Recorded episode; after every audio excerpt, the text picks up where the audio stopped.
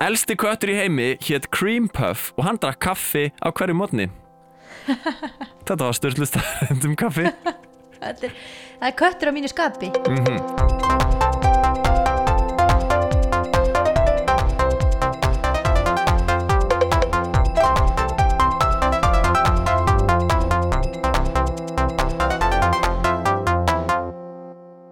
Komið sæl kæru hlustendur þér að hlusta á hlaðvarpstáttin Veistu hvað? Ég eh, heiti Guðmundur Felixson. Og ég heiti Vigdís Hafleðadóttir og það er nú eins gott að þið séuð búin að hella ykkur upp á einn góðan. Einn kannski svartan eða einn ekki svartan kannski bara með mjölk eða eitthvað. Einn góðan kaffibotla og séuð búin að setjast niður í hægistólun hægindastólunum ykkar kæru hlustendur til að, og halla ykkur aftur að því að nú ætlum við að tala um kaffi Ó já, þetta var svolítið hikandi hjá þér. Ertu að drekka ómikið kaffi í dag? Ég er, ég er á öðrum bolla. Ert á öðrum bolla? Eh, Já, ég, ég er nú ekki vanur að drekka mikið kaffi en, en hérna en í dag er ég fast mjög viðvægandi að ég væri svolítið kaff, kaffinetaður Kaffaður Já. Kaffærður, jável Hei Ert þú að drekka kaffi? Ég er ekki að drekka kaffi núna. Ég heyrti maður er ekki að drekka kaffi og tala í útvarpi Því þá kemur svona hljóð Já, einmitt, já, ég ætla ekki að drekka á meðan við erum mjög upptökunni, sko. Nei, nei. En, en þú ert vantalega búin að fá þér einn í dag? Já, ég er búin að fá mig tvo í dag. Já, enda klukkan orðin 11 Nú hvað er hún Já. hjá þér? Ég er búin 12 12 hjá mér En samt. Já, við erum ekki í sama landi. Eins og fram hefur komið.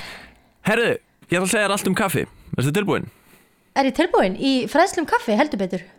Já, uh, kaffi er einn vinsalasti drikkur í heimi. Ég held sko að það væri vinsalasti drikkur í heimi á eftir kranavatni, en uh, svo víst ekki. Te er vinsalasti drikkurinn á eftir, eftir vatni, mm. vissur þetta?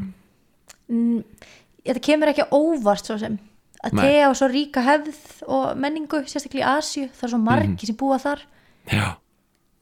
Það eru, það eru flestir sem að drekka te á eftir vatni en, en síðan kemur kaffi og uh, í bandarækjunum og í Evrópu er, er sagt, uh, kaffimagnið sem er drukkið það er einn þriðji af, af vatninu sem er drukkið.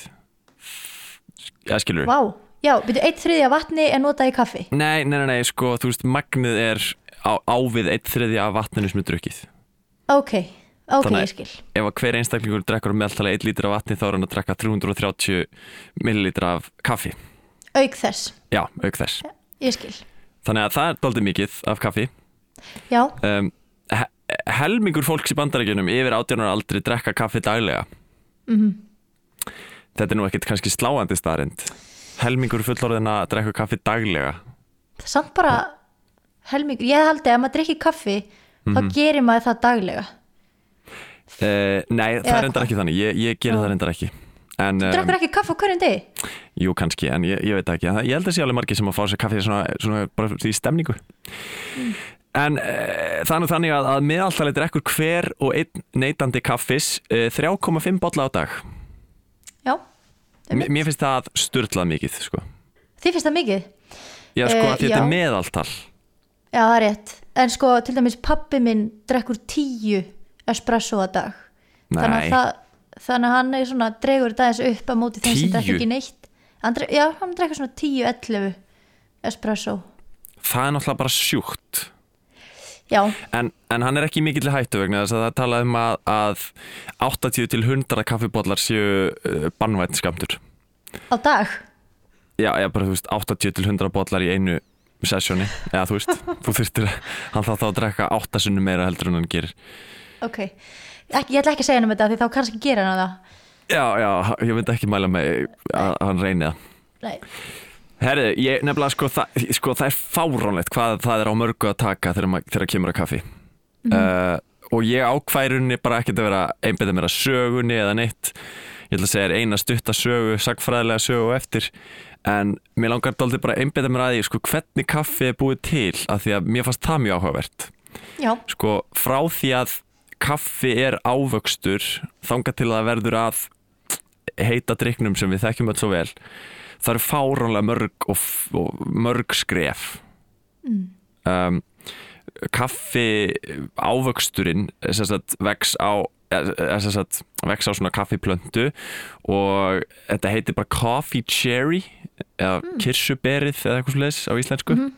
Einmitt. Og þessi, þessi ávöxtur verður svona rauður þegar hann er orðin hérna, fullvaksta þá er hann týndur. Og inn í sérst, þessu beri eða þessu hérna, kirsuberi eða hvað þetta heitir, the cherry þar eru sérst, kaffiböninnar og það eru marga marga leiðir sko, ma- marg, mörg skref að þanga til að þetta verður að kaffibönin sem við þekkjum sko. Um, fyrst það sem gerist er náttúrulega að þetta er tínt og hérna það eru það er svona, bara svona fínustu staðir með fínasta kaffi tína, þú veist, svona handvirt þú veist, bara berin sem eru veist, algjörlega tilbúin og fullkomin og eitthvað svona, en ég hugsa nú að á flestu stöðum þá sé þetta bara eitthvað svona vélar sem er bara svona Já, dundra allir af trénu, skilur svona kannski ódýrari kaffiframleiðsla. er, er þetta tré? Er, er þetta ekki ber? Nei, Já, þetta er svona einhvers konar kaffiplanta. Já.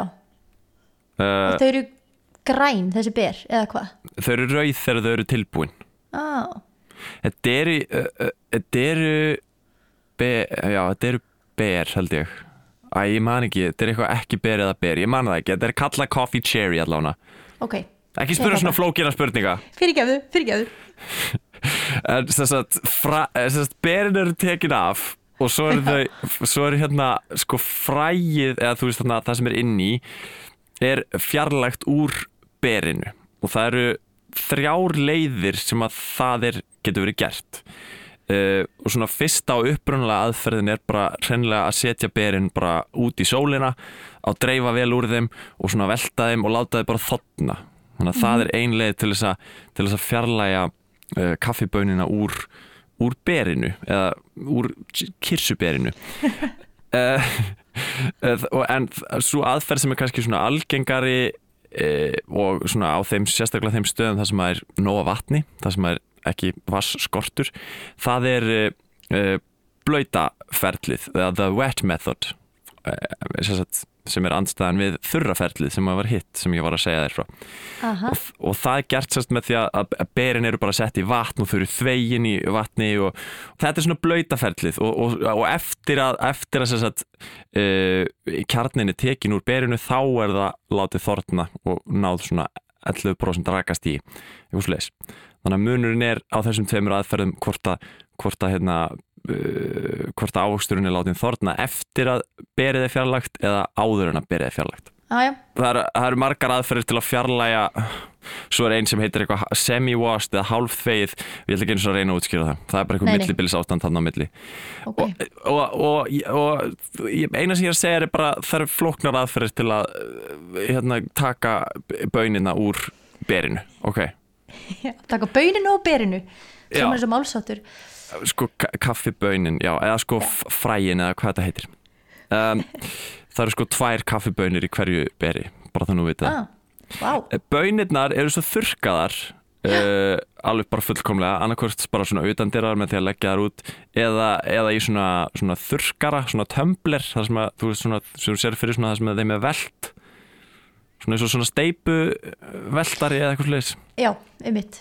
Um, og síðan er eitt lag eftir sko sem er fjarlægt síðan sem heitir endocarp sem er svona þunn húð utan um bönina sem þarf að fjarlæga og þá, þá er bönin í rauninni orðin að svona því sem við köllum uh, græ, grænar bönir sem eru, sem eru tilbúnar til þess að láta rista þær. Það var það sem ég var að tala um. Það var það sem ég held að væri grænt. Það var rauninni fræið í berinu. Já, já, já, já, já, já. Það er það sem við köllum grænar bönir Aha, og, og sko oft eru bönir kaffibönir seldar sko grænar og, og eru þú veist ristaðar þú veist í landinu sem það eru seldar eða eitthvað svo þú veist það eru seldar á milli landa kannski grænar. Uh, og stundum eru það með þess að seldar grænar út í búð og þú getur ristaðar sjálf heima hjá þér og eitthvað svo þá þarfstu nú að vera doldið advanced svona kaffi kaffimanneskja já, En síðan eru bönirnar uh, flokkaðar eftir gæðum og, og lélegar bönir eru fjarlægðar og, og uh, svo eru þar uh, ristaðar. Og bönir eru sérst ristaðar við svona 200 gráðu hita eða upp úr, 200 pluss í svona vélum sem að, sem að halda þeim á hreyfingu og svona velta þeim á, á meðan þær eru ristaðar þannig að þær brenni ekki við. Um, síðan er já, rist, við ristunina þá sést svona losna sko óljur út úr böninni og þær búa, ólíunar búa til lyktina sem við, sem við þekkjum svo vel. Um, þannig að svona kaffi svona alvöru kaffi lyktin byrjar að koma svona við þessa ristun sko. og þá þegar verða- ólíðuna losna. Já, og þá verða þessar grænu bönir að svona þessum brúnu kaffibönum sem við þekkjum, sem við sjáum sko, uh, og kaupum út í búð. Einmitt. Uh, en síðan þarf að mala ristuðu böninar og, og þú býr til kaffi úr því. Og það er nú ekki bara, mala er ekki bara mala, það eru til margar aðferði við að mala og, og þú þarfst að huga að því hversu gróft þú ætlar að mala bönina þeinar. um, já, einmitt, já. Og þú veist hversu, hversu fín gró, hversu fín sko mölunin er uh, skiptir máli. Um, og það er talað um að kaffið eigi að vera grófara eftir því sem að uppáhellingar aðferðin er hægari. Já, þannig að ef þú ert með bara svona uh, eins og til dæmis bara kaffi þar sem að það sem þú hellir vatninu ofan á og það bara svona einhvern veginn á að drú, drjúpa í gegnum kaffið það er svolítið svona hæg upp á hellingar aðferð þá á kaffi að vera aðeins grófara vegna þess að vatnið er í uh, meiri tengslum eða svona lengur í, í tengslu við kaffið. Já, en ef þú ert með, með espresso vél þar sem að þú veist bara vatnið bara, vatninu þrist í gegnum kaffið Mhm. þá á það að vera fín, fínmalara fyrir þá aðferð. Einmitt. Og talandi um þessar uppáhællingar aðferðir það eru, það eru náttúrulega mjög margar uppáhællingar aðferðir sem að við, við þekkjum öll. Um, og, og þú veist markmið með þeim öllum er þetta bara að búa til kaffi vökvann kaffi. Og, og hérna markmiðið er að, að sérst, taka þetta kaffiduft og heitt vatn og láta kaffi bragðið verða uh, hluti af vatninu. Vatn. án þess að án þess að það verði biturt eða án þess að það verði of sérst, lengi. Já, ef þú of lengi að hella upp á þá þá verður kaffi ramt einmitt. Vá, það er mjög margt þarf að huga að. Ég held að fæsti pæli svona ítarlega í því hvernig maður hellir upp á kaffi. Mm maður setur venilega bara eitthvað kaffi í eitthvað og hellir vatni Já. einhvern veginn. Svo kemur vatn og svo fer þetta í bolla og maður drekkur það og bara, vú, og bara næs. Ég fekk koffín. Já. Ekki allir samt, sumir eru mjög sérvitrir hvað var það kaffi að já, sjálfsögðu. Já, við fáum nú eitt svoleiðis til okkar hérna á eftir. Yes. En hérna, ég ætla aðeins að fara yfir þessar uppáhallingar aðferðir. Eh, Það er náttúrulega biljón uppáhallingar aðferðir. Kaffi er eh, sá drikkur sem hefur hvað mesta menningarlega sögu af bara öllum drikkjum sem við eigum. Þannig að þú getur ímyndað það. Það eru margar leiðir. Uh, einfaldasta leiðin er náttúrulega bara að setja kaffið í bolla og hella heitu vatni ón á. Og þetta er gert alveg bara einhver staðar. Þetta kallast svona merge coffee og þá bara basically þarftu að bara býða þá að kaffið sest á botnin og svo drekkur kaffið og passar því að drekka ekki drulluna sem er neðst Já. já, það er líka til leið sem heitir bara svona cowboy, ka, kúreka kaffi þar sem þú setur bara allt saman í pott og býður þá að sest niður á botnin og hellir síðan úr pottinum yfir í bolla það er mjög svipaða leiðir, bara svona einfaldasta einfaldasta leiðin til að hella upp á kaffi sem ég veist pínu ógistlega því að ég fíla ekki að drekka kaffi korg eh, korg en þetta er eitthvað svona gamla daga aðferð, eða ekki? Já, jú, jú. En þetta þekkist einhver staðar í heiminum að sjálfsög, en þá í dag. Um, Svona smá meira advanced útgáfa af þessari aðferði er basically að, hella kaffi onni í könnu hella heitu vatni onna og nota síðan svona franska pressu. Þetta er það sem við kallum pressukönnu kaffi til þess að íta korginum niður á botnin með svona, með svona möskva eða svona neti og þá verður það sem er eftir er, er kaffið. Einmitt. Þetta er önnur leið. Það var allt svo gama þegar maður var lítill að fá að íta Já. niður, fannst þér allavega Það er stemning í því. Já, uh, Sumstaðar í heiminum eru til kaffipokar eins og tepokar Það er ein leið til að hella upp á kaffi. Mm. það, hefur, hefur þú séð þannig? nei ekki nema í svona vélum svona, æ, þú veist það sem er, með svona póka og svo- svona einnóta dæmi. Mm, En- veit ekki alveg hvað þú tala um. Æ, þú veist, maður setur inn í svona litla vél og svo Mhm. fer vatnið í gegn og svo hendir maður pókanum en maður setur hann ekki í bollan Já, svona, Svona önnur- Nespresso Já, þetta er svona ekki hilki, þetta er aðeins skarri útgáfa heldur en þessi, þetta umhverfi slís sem svona hilkja kaffi er. Já, ég veit hvað meinar. Já, já, já, það er rétt. Það, er, það eru svona kaffipokar svolítið sko. Já. en sumstaðar í heiminum er hægt að vera bara með sko er held upp á kaffi þannig að það er sett bara í svona einhvern reisastóran svona efnis svona einhvers konar sokk eða eitthvað og því er dýft hún í heitt vatn einhvern veginn þá klæðar orðið til kaffi. Það er áhugavert. Um, en það kaffi sem við þekkjum kannski best verandi pleppar uh, er sko svona filterkaffi. Já, þar sem að þú, þú setur kaffi í risastóra svona, hvað heitir þetta aftur? Kaffi, póka kaffipoka, já. Og, og kaffið er látið svona drjúpa ofan í, ofan í það. Þetta er svona vinnustofu kaffi. Já, Er þetta er svona, það er hægt að hella upp á bara risastóra skamta í einu af þessu og Já, setja bara eitthvað kaffi í risastóra svona, dunk og pumpar því út já, og Já. svart og hardcore sigurlaust yes. og gott Og gott. Eh, Pressukaffi uh, er mjög algengt á kaffihúsum og, og heima við fólki líka uh, það er eins og til dæmis espresso uh, espresso notar bara espresso vélar eins og þú sér á kaffihúsum þar sem það er sett svona lítill pökkur af þjætt lítill pökkur af, af kaffi sett hún í svona man ekki hvað þetta heitir. Og, og það er uh, fest við espressovélina og svo, svo er bara vassþrýstingur það er bara nánast sjóðandi vatn sem er bara skist einhvern veginn bara, bara þrýstist ofan að þennan pökk og, og er bara, veist, bara nokkra sekundur að, að verða að kaffi. Það er svona, það sem við myndum kalla svona pressukaffi. Um, og, og þykir að fínt. Rosa fínt mm uh, önnur leið til þess að svona, svona nota svona vassþrýsting til að hella upp á kaffi er líka að vera með mokkakönnur þú Já. kannast þú svo leiðis Ég drekk aðalega svoleið sko. já. þá ertu með þess að könnu sem vatni neðst og svo kaffi í miðjunni og svo er svona tómt uh, hilki efst þú setur þessa könnu beint á hellu uh, þegar vatni byrjar að sjóða þá skýst vatnið upp í gufuformi í gegnum kaffið og verður síðan að kaffi vökva hana í efsta, efsta hilkinu Já. Það er mjög svona ítölsk leið. Já, Öll ítölsk heimili og svona könnu. Já. Og, og öll uh, fín íslensk heimili líka eins og mitt heimili. Já, rosa fínt heimili. Takk fyrir. Mm.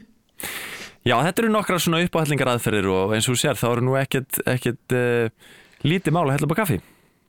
Nei, ég, ég fíla þess að sokka aðferð.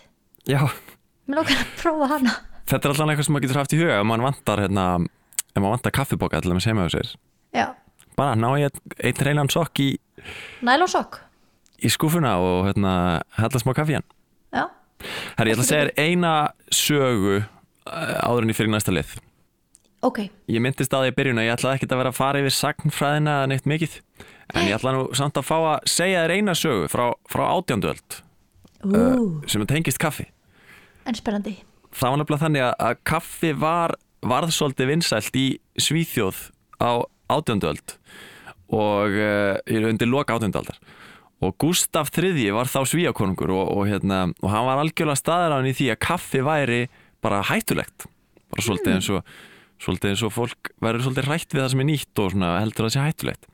Um mitt og það voru settir háir skattar á kaffineslu og, og, og kaffi var, var bannað og eitthvað sluðis en það virkaði nú aldrei en, en, en Gustaf þessi konungur, hann vildi sanna að kaffið væri hættulegt og ákvaða að gera svona vísindilega tilraun svona tvíbura tilraun, svo kallega þar sem að hann fekk tvo bara tvíbura þessast eh, sem var búið að dæma fyrir eitthvað glæp. Þannig að hann gatt þvingað á til þess að gera það sem hann vildi. Uh, og hann fekk annan tvíburan til þess að drekka þrjábotla af kaffi alla æfina og hinn tvíburan fekk hann til þess að drekka þrjábotla af te alla sína æfi nú uh, hann fekk síðan tvo lækna til þess að fylgjast með þessum tvíburum uh, á meðan á tilrauninni stóð. Uh, en það fór þó ekki betur en svo að báði læknanir og Gustaf sjálfur dóu áður en að áður en að þeir gáttu komist að niðurstöðum rannsóknarinnar. Þannig að honum tókst ekki að sanna það neitt að, að kaffi væri, væri skadalust nei skadalegt Já, uh, og, uh, og það tókst uh, hérna, ekki að banna kaffi í Svíþjóð en það er Svíþjóð bara með þeim þjóðum sem drekkur hvað mest kaffi í dag. Og rannsóknir í dag hafa ekki bent til þess að kaffi sé skadalegt á neitt nátt það hefur verið rannsakadaldið og Þegar þú getur sagt þetta af pappaðinn að hérna, það er verðist ekkert vera hættulegt við það að drekka kaffi eftir því sem vísundin komast næst í dag. Já, einmitt. Það eru alltaf einhver svona fréttir um þetta einmitt mér í hag og minni fjölskyldu sem er mi- mikið kaffi áhuga fólk. Mm Síðast til ég las eitthvað þá var það eitthvað svona 3-5 bollar á að vera bara frekar holt. Já, það er nefnilega sko, einhverjar rannsóknir sem benda til þess að það sé jafnvel hotlara að drekka kaffi heldur en ekki. Vá. En það er, það, þetta eru kannski ekki fullkomna rannsóknir en, en við höfum allavega enga sem, sem sýnir fram á skaðsemi kaffidrykju. Þannig að við getum bara haldið ótrúið áfram að koffinita okkur á fullu. Ánægulegt. Svo lengi sem við drekkum ekki 80 til 100 bolla í, í beitt. Nei, það er, já, ég held að sé erfitt að komast svo hátt þó um að sé forfallin kaffi drikkjumadur, Mm -hmm, mm Þú þurftir að vera eitthvað klikkaður. 80 bollar. En talandu vera klikkaður, ég ætla áðurinn fáum viðmælanda að henda mér í lið sem að heitir Klikkaðar kaffi staðarendir. Yeah!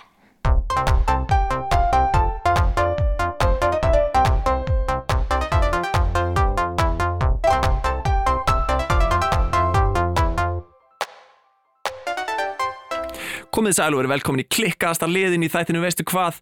Þetta eru klikkaðar kaffi staðarendir. Boom, veit ég sérstu tilbúin. Ég er svo sannarlega tilbúin. Eh, Fyrsta staðarind. Skandinavibúar eru mjög ofalega þegar kemur að því að drekka kaffi. Í efstu þremur sætunum yfir mestu kaffidrykju þjóðarnar eru, eru Finnar og svo Noregur og svo Ísland. Já, Ísland, Ísland. Já, við erum í þriðasæti yfir kaffidrykju og, og, og, sko meðal finnin meðal finnin drekkur meira en fjóra bolla af kaffi á dag. Já, Það er meðaltali í, í Finnlandi. Og öruglega svart og sigurlaust. Já. Með smá korki. Með smá korki, já, við bara drekka korkin og ég sé að það mjög finnst. Það ekki? Herru, önnur staðarind. Eitt dýrasta kaffi í heimi, eða jafnvel bara dýrasta kaffi í heimi, heitir Kopi Luwak og er búið til með því að láta ketti borða berin og þau eru svo ristuð eftir að kötturinn hefur meltið og kúkað þeim. Já, þetta hef ég heyrt. Mm En veistu hvað bollin af þessu kaffi kostar í bandaríkunum? Uh, 11.000. Vá, þú skaust yfir markið, þannig kostar, kostar fjögur til tíu þúsund krónur. Ok, alltaf sem að mér finnst samtalið styrla að borga 5.000 kall fyrir kaffibólla Já, já, svo sem. sem að köttur er búin að kúka. Við sem að fullta fólki gera það bara því það er eitthvað svona sport. Og já, bara på þetta, þetta er mjög vinsælt sko. En það er, það er Það annars myndi svona ekki kaffi. vera vegan, það kaffi. ha, Þetta er Nei, ekki rétt. vegan kaffi. rétt. Það, það er nefnilega annars svona kaffi sem er, sem er sko sjaldgæfara og er samt ekki dýrara virðist vera. En það heitir sko Black Ivory Coffee og það er gert með því að láta tælenska fíla borða og melta böninar Oh, og, og bollin af því kostar svona um 6.000 krónur. Um, en það er mikið búið að tala um þessa þetta kaffi og mikið verið að sko kvarta undan því að þetta sé náttúrulega bara ekki gott fyrir dýrin þú ert að nota dýrin til þess að búa til einhverja rándýra vöru og maður veit ekki hvort að þeim líkar eitthvað að borða þessar kaffibönir Nei. Ok, hefur eitthvað spurt fílana? Nei. nei, það veit enginn hvort þeir fíla þetta eitthvað Hei, Elsti köttur í heimi hétt Cream Puff og hann drakk kaffi á hverju mótni þetta var störtlust um kaffi. Er, það er köttur á mínu skapi. Mm Herru, já, tvær stænendur eftir, ertu tilbúin? Já, Ég er alltaf að spyrja hvort þú sé tilbúin, öðvöld ertu tilbúin já þú Stærsta, veist, hvað ætti ég að vera að gera? já, þú að býða eftir staðnendunum mínum. Ok, ok, ok, ok, ok, hérna ekki verið hún. Stærsta Byrju, ég er ekki alveg ískaffi tilbúin. oh, Núna. Ok, stærsta ískaffi sögunar var búið til í Kóru árið 2014 og það var 14.000 lítrar Mm. Jæja, Ok. sí, síðasta staðnendin mín er, er sko mjög skemmtilega vegna þess að þetta er, þetta er vísun í fyrsta veistu hvað þáttinn Manstu eftir fyrsta veistu hvað þættinu? Já, hvort ég mann. Hann fjallaði um uh, live streaming og, Ok, það fyrsti sem við tókum upp, fyrsti sem við byrtu var ASMR. Ó já, rétt. En við, allan við tölum um eitthvað tíman um live streaming. Og uh, það var mjög snemma. Og þar saði ég frá því að fyrsta vefmyndavilin hún var búin til til þess að fylgjast með kaffivél og sjá hvort að kaffið væri tilbúið. Að það voru vísindamenn sem nefndi ekki að fara alltaf niður og sjá hvort það væri tilbúið kaffi þannig að þeir byggu bara til konseptið vefmyndavél. Auðvitað. Ótrúlegt Svona getur kaffi verið ótrúlegt og kaffi fleitir fólki mannkyninu áfram um mörgljósar, geti ég mynda mér. Já. Ó, kaffi er svo gott. Já. Herru, en við ætlum að fá við meðlanda sem er kaffisjárfræðingur Íslands.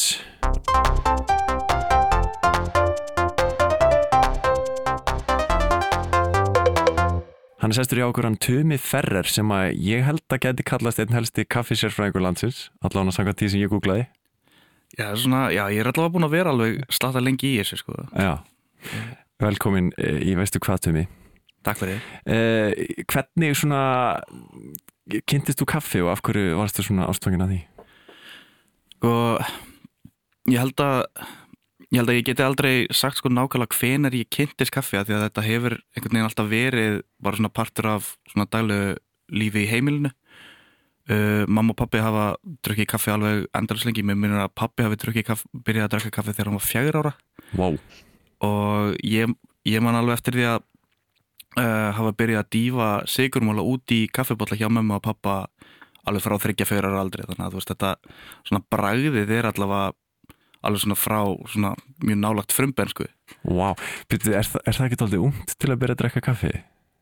já svona þú veist ef þú drekkur bara þú veist nokkra sopa þá er þetta allt í lægi sko. En Já. uh, það er ekki, það er ekki mælt með því að, að börn drekki kaffi yfir höfuð. Ég held að, ég held að hámarkið sem að börn megi drekka samkvæmt svona þú veist svona almennum viðmjöðum er minn en hálfu bolli á dag sko. Mm mm. Og það er út af koffininu. Akkurat út af koffinu þetta er náttúrulega koffin er uh, eitt af fáu uh, svona eiturefninu sem er ennþá leifð mm Mhm. veist, í hérna, í, í hérna neyslu Já, einmitt en þa- Þannig að þú elst upp á svona kaffi heimili var svona rík kaffi menning á þínu heimili já bara þú veist við drukkum mikið kaffi og það var keift gott ráefni Mhm. hérna, við byggum á fáskursferði þegar ég var barn og uh, mamma og pappi voru svona þú veist eina fyrstu svona virkilega diggu uh, viðskiptafinum kaffitárs uh, svona út á landi. Þannig að uh, þannig að þú veist að við fengum alveg heimsókn frá þú veist Sonju Grant sem var þá þú veist mjög svona mikilvægur starfsmæður er svona einn af svona early starfsmönnum kaffitárs bara í heimsókn til okkar bara til fálkskursverðar bara, þú veist þegar þau svona tóku rúndin um landi til þess að þú veist heimsækja sitt fólk. Þetta var þegar kaffitár var ennþá bara pínlítið fjölskyldufyrirtæki. Já, Vá, áhugavert og svo svona lokast tringunni þegar ég byrja að vinna fyrir kaffitár 2006 Já, einmitt Hvernig, já, hvernig byrja maður á því? Já, þú veist, fannstu það bara að þetta væri þín passion í lífinu og ákvæmst bara að dífa þér út í það? ég svona slesaðist í að, að svona þú veist uh, já, ég, ég basically bara slesaðist til þess að hafa svona ástriði fyrir kaffi þetta svona þú veist, kaffi var alltaf svona partur af mínu lífi og svona mér fannst alveg frekar töff að drekka kaffi svona frekar ungur, ég byrjaði svona að drekka kaffi af alvöru svona um sjóra gamall og svona alltaf í fermingavislu með afmælisvislu þegar ég var innan um fullarið fólk þá þú veist fekk ég svolítið kikk út úr því að þú veist fullur fólk væri að horfa á mig drekka kaffi. Þetta er svona, þetta er svona ákveðin eldskýrn þetta er svona svona rite of passage svo, ef svo maður segja. Þannig að veist og þetta er auðvitað mjög svona sterkur félagslega hluti þess að drekka kaffi. Þetta er, þetta er svona það- þetta er uh, þetta skilur á milli þess sem sko þú veist er uh, þú veist barn eða úlingur og, og að vera fullorðin Mhm. það er kaffidrykja Mm og þú veist, ég fekk alveg kikk út úr því en svona, ég var að pæla í alvöru þú veist uh, þú veist, út á hvað kaffi gekk þegar ég fór að vinna við það. Og það var einlega bara með skóla, ég bjóst ekkert við því að ég væri að fara að hella mér svona djúft í það. -hmm. Það er einmitt kaffi, já, einmitt kaffi saman er fólk, það er þetta klassíska að taka kaffipásu í vinnunni og hvers leis en það eru nú ekki allir sem að sko pæla svona mikið í kaffi. Við vorum að tala um aðan og bara flestir eru bara þannig að þeir fá sér bara eitthvað. Og þegar ég fyrir út í búð þá finn ég bara lyktina einhvern veginn svona út um þetta loftgat og svona, já, þetta er bara kaffi og flott. En eh, þú veist hva, hvernig ámaður að bera sig af þegar maður er að velja sér kaffi og þú veist, hvað gerir gott kaffi? Fyrir það fyrsta þá skiptir mjög miklu máli að, að, hérna, að þú þekki sjálfa þig að, hérna, að þú vitir hvað það er sem þú vilt fá út úr kaffinu að mm. því að kaffi getur verið mjög fjölbreytilegt og þetta um, það er eiginlega bara svona sama vinnan sem fer í gang og þegar þú er áttur á því sko, hvaða matur er góðu fyrir því hvað, hvað, hvað finnst þér gott að borða og svona þú veist um, þú, veist, þú getur uh, uppáhaldskaffið gæti verið alveg gjör ólíkt því sem hérna uh, vinnur þeim drekkur og munurinn þarna veist, það er hægt að það er hægt að uh, átta sig betur á því með því að skoða aðeins þá bara þú veist bræði enginni uh, hvers kaffis eftir því hérna hvar það er ekkert í heimsálfunni eða þú veist milli heimsálfa. Þannig að uh, og líka hvernig kaffið er unnið og, og svo framvegs og líka hvernig það er ristað.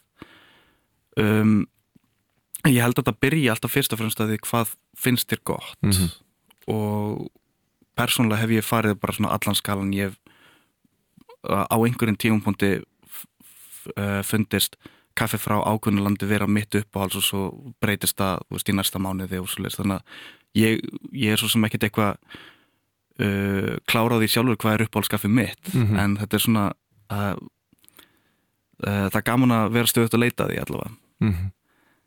En... Mér finnst mjög erfitt að, að fatta einhvern veginn hvaða kaffi er gott. Ég finna alveg, ja, mér finnst þetta kaffi gott. En ég, ég veit ekki, mér finnst bara fínt að fá espresso og mér finnst líka fínt að drekka bara eitthvað svona algjört drastl innan kaffi En það, það er kannski bara mjög gott þá að hugsa þú veist þið, þið muni kannski eftir mómentum þar sem þið bara hugsa þetta er bara vond kaffi, bara ég er ekki til að klára þennan botla mm -hmm. þá sko þú veist, ef að þið vitið hvað það er að þá getið þið þá, þá er það allavega skrifið nærði að átt ykkur á því hvað það er sem ykkur finnst gott allavega í kaffið ég er alveg, ég er alveg að nákvæmlega saman stað að veist, það er staður og stund fyrir vond kaffi líka. Og mér finnst mér mikilvægt að geta greipið í vondan kaffeballa þegar ég virkilega þarf á því að halda vegna þess að það gefur mér rosalega góðan kontrast við virkilega góða kaffi sem ég uh, gef mér sko, tíma í að veist, njóta að þegar það var við. Við einmitt, hérna, þegar ég, ég tók á mótið hérna núna þá bauður upp á kaffi og skammaðist mín svolítið fyrir það. Dragaði í einhverja kaffivil hérna upp á rúf. Þú ert að drekka hérna kaffi núna, er þetta, hvernig er þetta? Þetta er bara óskup heiðalegt vilakaffi sko. Ég reyndar valdi með meðalbrenda kaffið, ég sá að þú fegst þér dökkrista, sko, ég, ég, hérna Veistu, ég held að þessir takkar þýði ekki neitt á þessari vél. Ég, ég, mig grunar það alveg. Já, já þetta eru vantala bara sömu bönir í öllum hólfum og engin að pæli. það gæti gæt alveg verið, sko. En þannig að þú, þér finnst nöðsilegt að fá þér vond kaffi svona endur eins?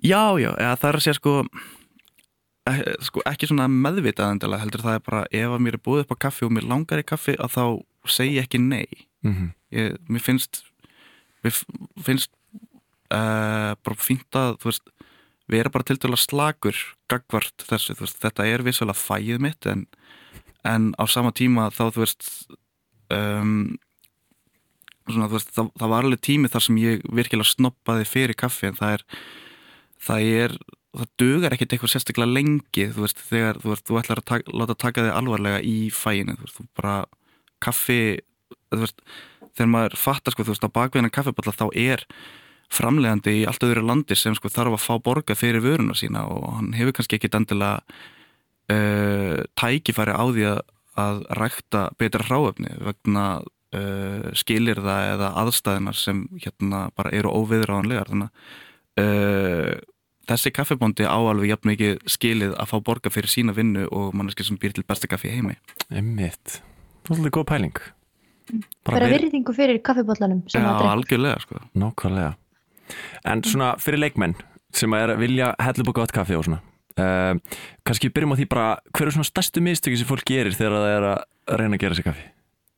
Svona kannski á yfirborðinu þá held ég að stærstu mistökin að algengustu mistökin er það að notast við órein ílát eða tæki eða búnað bara yfir höfuð. Um, sko, búnar getur aldrei verið ofreitt um, það er að segja að þú veist ef að, ef að þú hefur ekki skólað trektina til dæmis áður en þú setur nýjan filter í eða kannan sjálf sem hérna, kaffið endar í ef að hún er ennþá með bara svona þurkuðu kaffi frá því í gær það á eftir að skila sér í bólanum mm. um, ef að þú malar kaffið þá þarf kvörnin að vera hrein líka. Þannig að hreinleiki er svolítið svona rauðu þráðir öllir saman þú, þú, þú getur gert þú getur verið með mjög gott ráöfni en ef að búnaðurinn er óhrein þá er það að fara að vera svona að fara að valda vonbreiðum mm -hmm. Ég er með svona mokkakönnu heima Aha. og ég veit ekki hvað þetta heitir hérna, sem maður setur kaffið í hérna, sem er svona Siktið Já, eitthvað hannig uh, Siktið, þú veist, þarf ég að þrýfa siktið eftir hverja nótkun bara með uppþöldalegi, þú veist, mm. bara sabavatni ekkert eitthvað flókið Mér finnst það pointless að vera að þrýfa þetta alltaf á milli. Já, þú veist, þú, þú þrýfur pönnuna eftir hver skipti sem steki fisk, sko. Góðu punktur. Það er bara nákvæmlega það sama. Góðu punktur. Uh, Tekin, gummi. Já, ég var algjörlega tekin Sko, nú er ég ekki komin svo langt að vera að mala mitt eða kaffi mm -hmm. eh, en það talaði um að, að eigi, kaffið eigi að vera bruggað eða sko að ég var að mala já, sérst, það ég var að brugga eins fljótt eftir mölun og hægtir Já, uh, ástæðan fyrir því er að jæna, hérna, bara svona á fyrstu tíu sekundunum þá ertu að missa alveg næstu því helmingin af allum ilmefninu sem eru mögulega sem sko er mögulega hægt að ná ofan í uh, uppáhald að kaffið sjálft það, þetta er sem sagt, það sem heitir hérna rókgjörn efni. Það er basically bara ilmefni sem bara uh, blandast út í andrúsloftið og bara stærsti hlutin af þessum rókjörnöfnum sem uh, við viljum helst fá í uppaldakaffi vegna þess að það gefur þér mesta ilmin, það gefur þér mesta uh, svona, veist, það, það er ástæðan fyrir því af hverju kaffi getur verið margslungið. Það er þessi efni. Mm -hmm. það er langa erfiðast að ná þeim öllum í uppaldakaffi vegna þess hvað hérna vegna þess hvers, hversu agressív hérna, mölunar aðtöfnin sjálf er. Mm. mölunin er óhjákvæmuleg það er ekki ekkert að komast hjá því að mala kaffi til þess að hella upp að, hella upp að það. En þú þarf bara að hafa mjög hraðar hendur.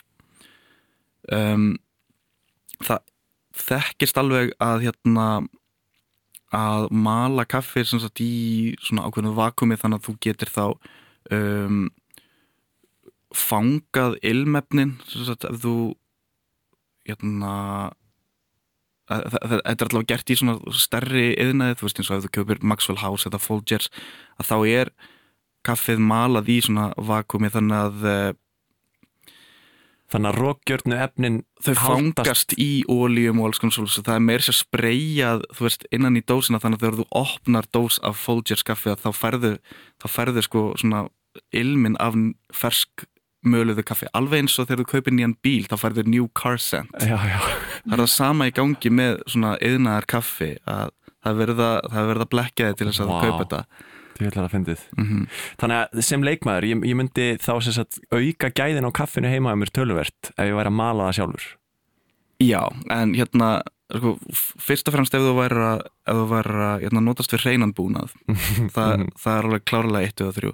Ég, eins, eins og staðin er núna þá uh, uh, mala ég ekki heima vegna þess að hvernig mín er í hérna, viðgerð. En hérna Þú trefst með einhverja svona rosalega kvörn e Ekkert eitthvað svakalega sko, þú veist hún kostar alveg mikið en hún, ég hef búin að eiga hana í sjö ár mm -hmm. og ég hef aldrei þurft að gera við hana fyrir núna sko. þannig að, þannig að sko, þú veist hún kostiði 45.000 krónur þá og ég er að menna, þú veist, uh. það er þá alveg ágætis ending sko En er þetta rista þínir einn bönir heima hjá þér?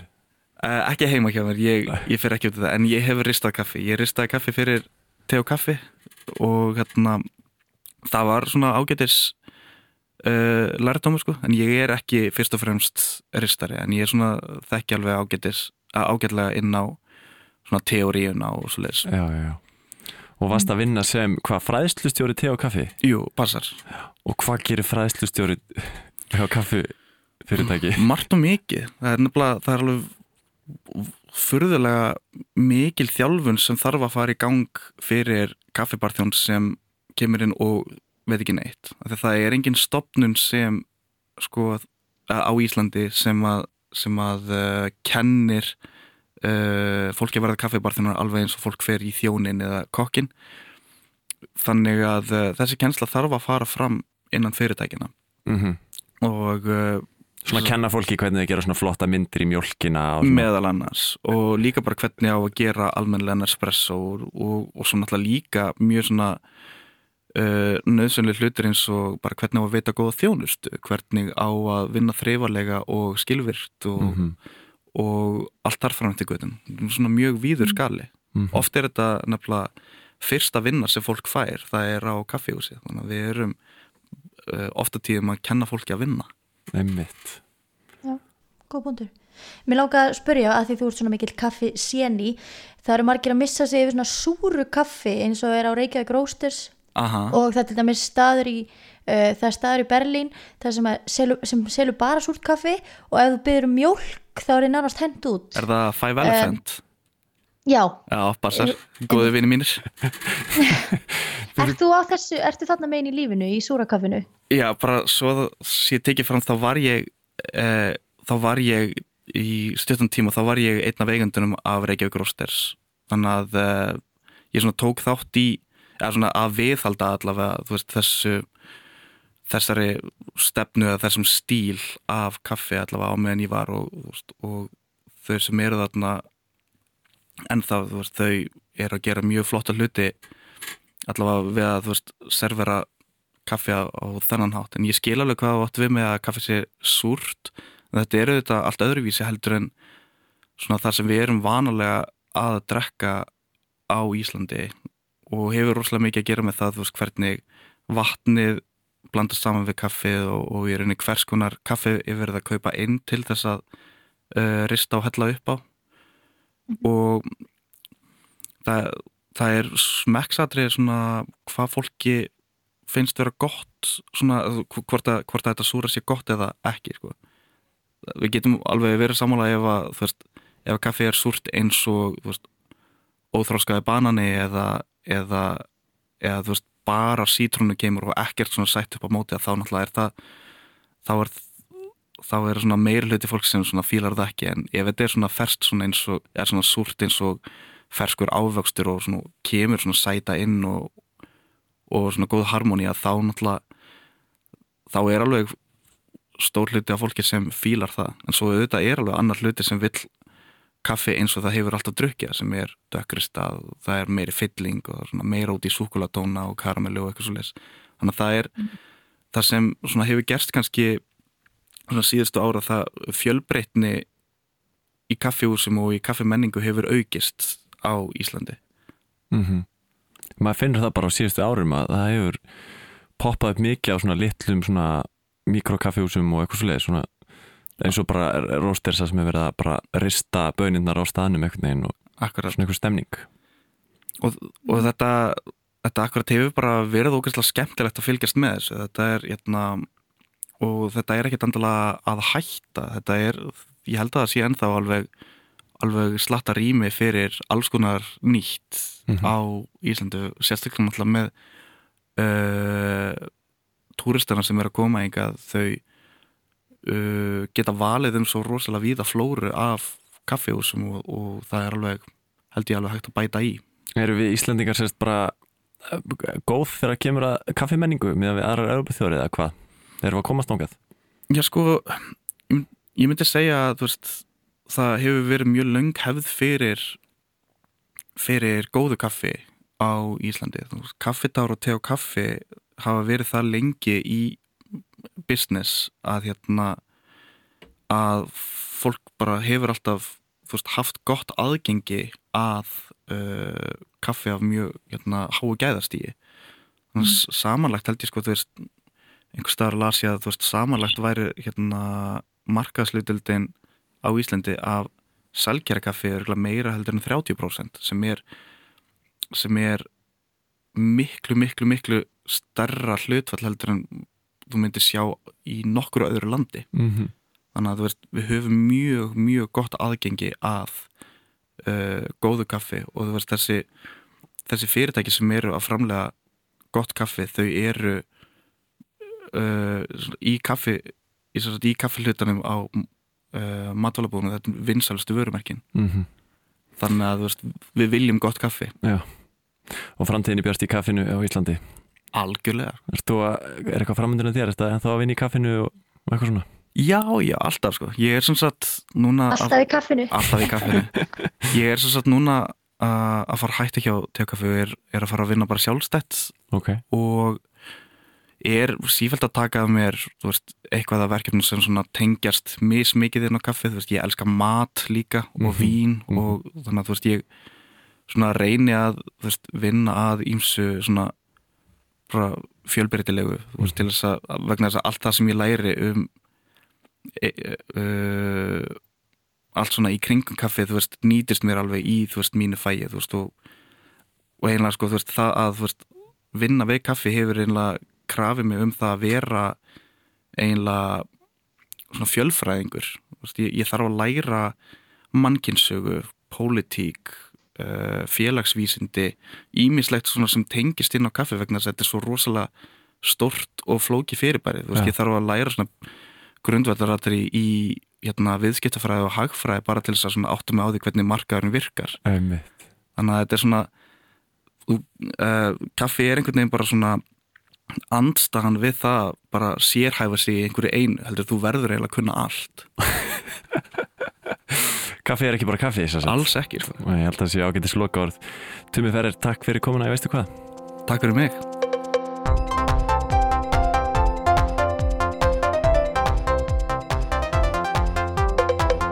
Veistu hvað er framleitur af Guðmundi Felixinni og Vigdísi Hafleðadóttur fyrir RÚF 0 Fleiri skemmtilega þættið má finna á rúf0.is og í rúf appinu. Gesturinn okkar í þessari viku var Tumi Ferrer og stefið þar að sjálfsögðu eftir Bjarmar Hreinsson. Sjáumst í næstu viku.